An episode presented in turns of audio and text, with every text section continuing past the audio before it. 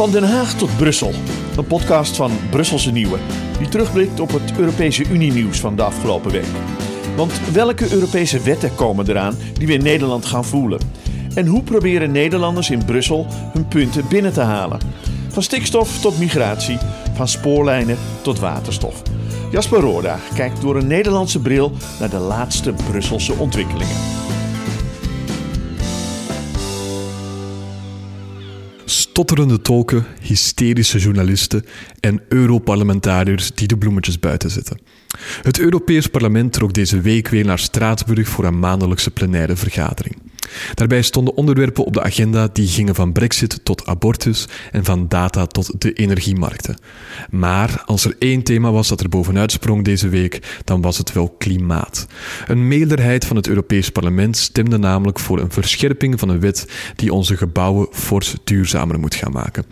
Zo wil het parlement dat alle nieuwe gebouwen tegen 2028 volledig uitstootneutraal zijn. Ook zouden die tegen die datum allemaal moeten komen met zonnepanelen als dit technisch mogelijk is.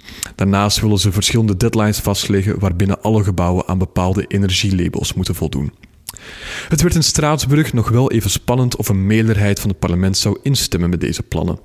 Vooral uit de hoek van de christendemocraten en de conservatieven was er namelijk veel verzet te horen. Laten we even luisteren naar CDA-europarlementariër Tom Berendsen. Het renoveren en, en, isoleren van de gebouwde omgeving is essentieel. Een hele belangrijke opdracht, want 40% van onze energieconsumptie komt van die gebouwde omgeving. Maar de vraag die wij hier ons in het parlement moeten stellen, is de regel die, regelgeving die wordt voorgesteld, is die ook geschikt om deze doelen te bereiken? En het antwoord op die vraag is simpelweg nee. Dit voorstel wordt een ramp in de uitvoering. De commissie is op de stoel van gemeenteraadsleden gaan zitten en schrijft voor hoeveel parkeerplekken er moeten zijn voor auto's, voor, voor fietsen. Dit parlement uh, wil daar ook nog regels aan toevoegen op het gebied van de akoestiek. Dat is veel te veel detail voor iets wat in de hele Europese Unie moet gaan werken. En bovendien is het veel te duur, ook voor een land als Nederland, om dit gaan, uh, zo op deze manier te gaan invoeren. PvdA-europarlementariër Mohamed Shahim had nogal moeite met alle kritiek. Wat we hier met elkaar hebben afgesproken, en dat doen heel veel politieke partijen, en met elkaar goed nadenken wat is nu het beste als het gaat om verminderen van die olieafhankelijkheid en verbeteren van de energieefficiëntie in de gebouwde omgeving, zijn we gekomen tot een plan die ervoor zorgt dat we A. gaan vergroenen, B. de rekening doen verlagen en ook nog eens heel veel werkgelegenheid gaan creëren. Ongeveer 160.000 banen worden er geprojecteerd. Dus volgens mij profiteert iedereen ervan. En ik snap echt het weerstand hiertegen niet. De partijen die vandaag oproepen om hier tegen te stemmen, die willen dat u tijdens de volgende crisis in de kou blijft zitten. Zodat zij met het vingertje kunnen wijzen en Europa de schuld geven. Dank u wel. En dan Oekraïne. Want daar gaan de gevechten nog altijd door. In de tussentijd is Brussel bezig aan een plan om gezamenlijk munitie te gaan leveren. Brusselse nieuwe redacteur Yves Lacroix verdiepte zich in dat dossier. Yves, uh, misschien allereerst, wat is nu juist de bedoeling? Ja, er ligt een, uh, een voorstel op tafel. Uh, dat draait om 2 miljard euro en um, uh, 1 miljard daarvan, dus de helft, is bedoeld om lidstaten die direct munitie kunnen doneren aan Oekraïne te vergoeden. voor die munitie. Die andere miljard is bedoeld om samen dus munitie in te kopen op de, op de, ja, de, de wapenmarkt. Um, dan gaat het dan ook specifiek over artilleriemunitie. Dus dat, we hebben het niet over kogels, maar echt over granaten dan. En waarom is dit uh, nu zo belangrijk? Nou, dat is belangrijk omdat uh, hè, Oekraïne is natuurlijk binnengevallen door Rusland. Er wordt ontzettend veel gevochten. Um, en op dit moment schiet Oekraïne meer granaten af dan dat de NAVO kan produceren. Um, om een voorbeeld te geven of om te vergelijken. Um, naar schatting uh, vuurt Rusland zo'n 20.000 tot 50.000 granaten per dag af. Uh, Oekraïne, voor Oekraïne is dat 10.000 granaten per dag. En uh, dat is een ontzettend hoog aantal dat, dat niet bijgehouden wordt door de productie van de NAVO. En dan moeten ze gaan kijken naar wat kunnen we nog doen. En is het al zeker dat de EU nu gezamenlijk die munitie gaat leveren? Of, of moet daar nog een besluit over gaan vallen? Nee, er moet nog een besluit over vallen. Het lijkt er wel op dat het, uh, dat het goed gaat komen met dat besluit. Maar um, op dit moment zijn ambassadeurs er dus over aan het praten. Um, maandag, als het goed is, gaan ministers uh, een beslissing nemen. En dan gaan ook nog eens de regeringsleiders zich later volgende week uh, erover buigen.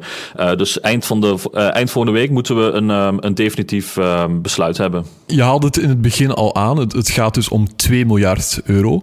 Dan is natuurlijk de klassieke vraag altijd bij die EU-thema's thema's. Waar komt het vandaan? Ja. Ja, dat, dat geld komt uit een speciaal potje. Uh, vanuit de, um, de Europese begroting mag eigenlijk geen geld uitgegeven worden aan wapens. Um, dus er is een tijd terug is er um, een speciaal potje gemaakt. Dat heet de Vredesfaciliteit, de Europese Vredesfaciliteit. Uh, en daar komt die 2 miljard euro vandaan. Daarmee wordt een beetje uh, de regelgeving omzeild, waardoor de EU dus toch geld kan uitgeven aan munitie. Ja, eerder had minister van Buitenlandse Zaken, Wopke Hoekstra, zich ook al uitgesproken over dat idee. En daar had hij het volgende over te zeggen. Er is nu ook een plan van Europa om zelf munitie te gaan kopen.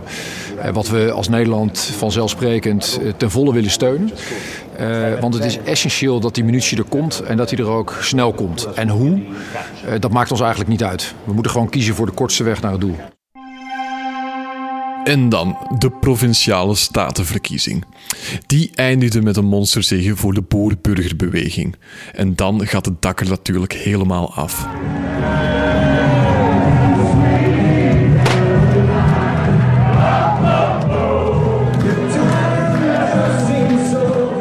Nu zijn wij bij Brusselse Nieuwe natuurlijk vooral benieuwd naar wat dit betekent voor de relatie tussen Brussel en de provincies.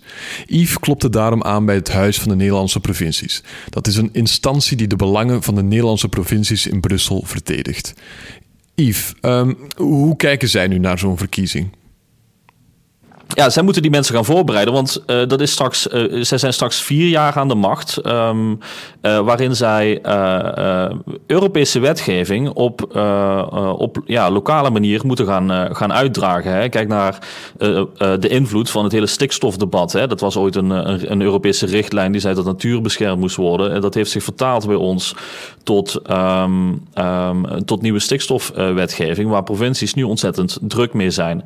En BBB is bijvoorbeeld de grootste partij geworden. En het HNP die verwacht ook wel dat best veel uh, colleges, uh, coalities straks BBB erin gaan, gaan hebben. Dat betekent gedeputeerden namens de BBB. en die zijn over het algemeen best nieuw. Dus die moeten um, een beetje een crash course krijgen in hoe het in Brussel eraan toe gaat. En hoe ziet dat eruit, zo'n crash course? Waar staan ze dan bij stil? Ja, um, bijvoorbeeld in oktober gaan ze uitgenodigd worden om, uh, om naar Brussel te komen. Best veel, hè, provinciale statenleden en gedeputeerden worden dan uitgenodigd om naar Brussel te komen. Uh, en dan gaan ze langs bij de commissie, bij het parlement. En dan wordt ze verteld van nou kijk, dit is bijvoorbeeld Europese wetgeving. Je zit met een probleem. Waar moet je dan zijn? Met wie praat je dan? Um, hoe zorg je ervoor dat jouw belangen als provincie in Brussel um, behartigd uh, gaan, uh, gaan worden? Uh, dat, dat soort dingetjes. Maar bijvoorbeeld ook um, maken ze een soort van briefings voor provinciale statenleden en gedeputeerden om ze alvast een inkijkje te geven in wetgeving die nu aan de gang is. En verwacht het Huis van de Nederlandse Provincie nu nog uitdagingen met uh, deze uitslag van de verkiezingen? Ja, dus de uitdaging is dat, um, dat er waarschijnlijk een, een, grote wissel van de wacht gaat zijn. Hè? Dus in plaats van dat er um, van al bestaande partijen uh, um, uh, veel gedeputeerden gaan blijven. Hè, of dat er misschien maar één of twee uh, nieuw gaan zijn. dat gaat niet het geval zijn. Als BBB inderdaad in, um, in veel colleges gaat komen. En sowieso komen ze al veel in de provinciale staten. Dan betekent dat dat er veel mensen zijn die eerder die functie niet bekleden. Hè. Dus dat betekent, dat betekent gewoon veel mensen met weinig ervaring um, in hoe de EU werkt. En daarnaast, wat, wat, wat ze belangrijk vinden uh, en, en, wat zij ook willen, wat hun boodschap gaat zijn de komende uh, paar maanden, is dat, dat je de EU niet kan negeren. Uiteindelijk is iets van 70% van de wetgeving in Nederland komt uiteindelijk vanaf, vanuit Europa. Um, en daar zul je mee bezig moeten, of je nou tegen de EU bent of niet. Um, dus je kan niet zeggen, nou, ik laat het allemaal links liggen, want dan gaan er allemaal wet, gaat er allemaal wetgeving doorkomen. Waar jij ten eerste als provincie um, geen invloed op uitgeoefend hebt. Uh, maar ten tweede ook nog uh, moet gaan uitvoeren. Dankjewel, Yves. En daarmee zijn we ineens ook aan het einde gekomen van deze tweede aflevering van de podcast Van Den Haag tot Brussel. Graag zie ik u volgende week weer terug.